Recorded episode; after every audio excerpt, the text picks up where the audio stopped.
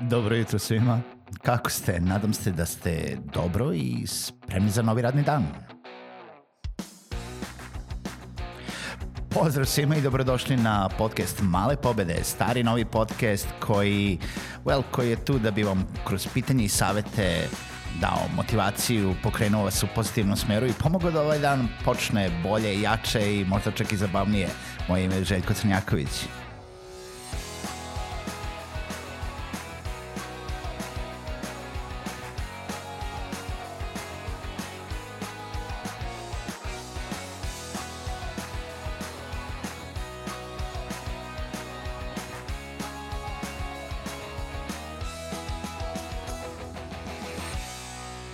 Pozdrav svima, dobro jutro i dobrodošli u još jednu epizodu podcasta Male pobede. E, nadam se da se dobro ovo jutro. E, eto, ponedeljak je 101. epizoda i nešto je malo zahladnilo, nešto je malo prijatnije na polju. E, nadam se da svi vi koji niste na godišnjim odmorima uživate u ovom jutru, u odlasku na posao, a, a za one koji slušaju ovaj podcast, a da nije ujutru u 8 sati, pa želim vam dobar dan i želim da vam dan se završi na dobar način ili da sledeći počne onako kako treba. Nego da vas pitam, šta pomislite kada vam kažem reč newsletter?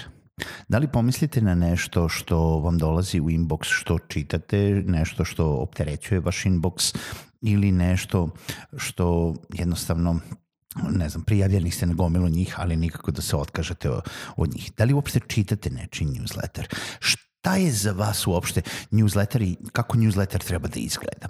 Newsletter, kada većina nas pomisli, prvenstveno ja kada sam u poslednjih pet godina radio, pomislim na nešto, neki marketinški alat. Pomislim na nešto što ljudi šalju, što agencije, pojedinci, brendovi uh, šalju zato da bi nudili neke reklamne poruke, da bi uz neki, čak i ako koriste content marketing, znači uz neku dozu novih informacija, ponudile neku najnoviju um, uslugu, popust, um, vest o tome kako možete koristiti njihove usluge ili nešto tako. Znači, nikada nisam ili veoma redko sam pomišljao na newsletter kao isključivi e, način informisanja o, o nečemu novome. I sad, većina brendova ima neki svoj newsletter. On se obično šalje ili jednom nedeljno ili jednom mesečno, veoma redki su oni koji šalju svaki dan i na neki način, čak i ako se prijavimo na taj newsletter, veoma redko ga čitamo.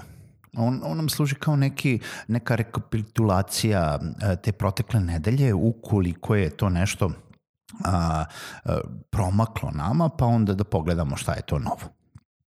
Sa druge strane, za brendove, newsletter je stvarno izuzetan marketinjski alat. Znam zato što sam ga koristio intenzivno u poslednjih 5-6 godina i ne, neverovatno je koliko novog ili ono povratnog posla, jel da, povratnih klijenata dolazi od strane newslettera. E, naravno, e, uvek je pitanje ko šalje newsletter uh, jel da, na onaj dobar način, ako šalje newsletter na onaj loš način, jel da, gde se ljudi nisu uh, stvarno prijavili da žele da primaju te newsletter, nego negde ste im upali u neku kontakt formu negde sa nečim, ostavili ste vaše podatke i vi ste automatski uh, počeli da dobijete vaš newsletter. Da ne bože da postoje slučajevi uh, gde su gde je vaš mail možda prodat ili kupljen ili negde grebovan sa interneta i jednostavno ste počeli da dobijete neki newsletter neke firme za koju nikad niste čuli, niti vas zanima šta oni prodaju i na taj način jel da ovaj nude nude svoje usluge ili proizvode. Mm, ako gledamo na to kao marketinški alat i ne računajući na to da li ste se prijavili na njega ili nije, na globalnom nivou email je jedan od najboljih načina marketinga i prodaje.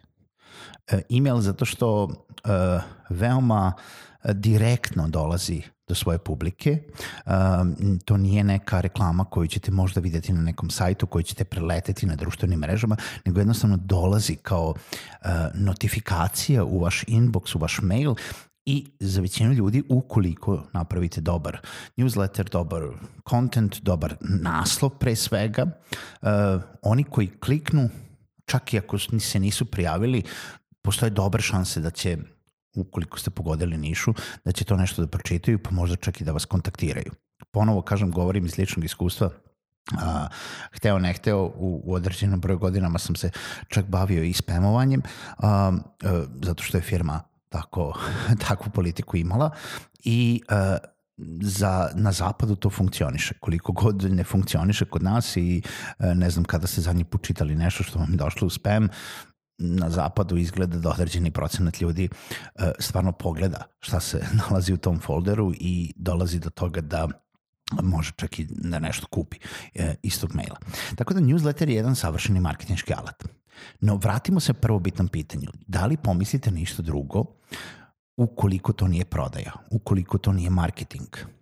Da li znate da postoje newsletteri koji su stvarno tu zato da bi vam pružili te neke informacije, kao što je na primjer ovaj podcast na koji treba da odlučite da dođete da biste ga poslušali i onda jel da, ako se subscribe-ujete na nekom od e, distributivnih kanala vam dolazi notifikacija kad god izbacim novu epizodu.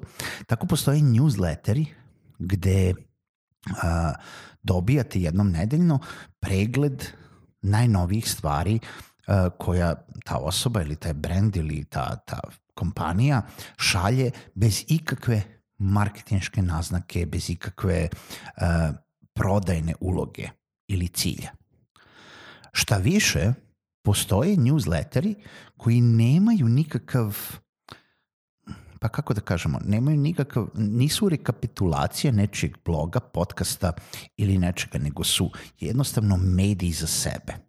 I ja u ovom podcastu želim da vam predstavim dva, pa da vi vidite da li ćete da, um, da ih čitate ili ne. I šta više, predstavit ću vam jedan domaći, jedan strani newsletter, znači koji nema iza sebe ili bar nije tako počeo, uh, znači nije nužno primarno prvo blog ili neki medij ili podcast ili YouTube pa da šalje newsletter kao što šalje rekapitulaciju toga, nego jeste medij za sebe i sve informacije primarno prvo dobijate u tom newsletteru i on je individualno samo održiva um, forma sadržaja koju možete da primite i konzumirate. Uh, strani uh, newsletter ko, na koji želim da vas pozovem jeste The Hustle. Uh, jedan veoma uh, inspirativan i inovativan uh, newsletter uh, momaka koji uh, se bave tehnologijom, preduzetništvom, digitalnim preduzetništvom i tako dalje, najnovijim vestima iz startup sveta, iz biznisa, iz bilo čega što se tiče digitalnog.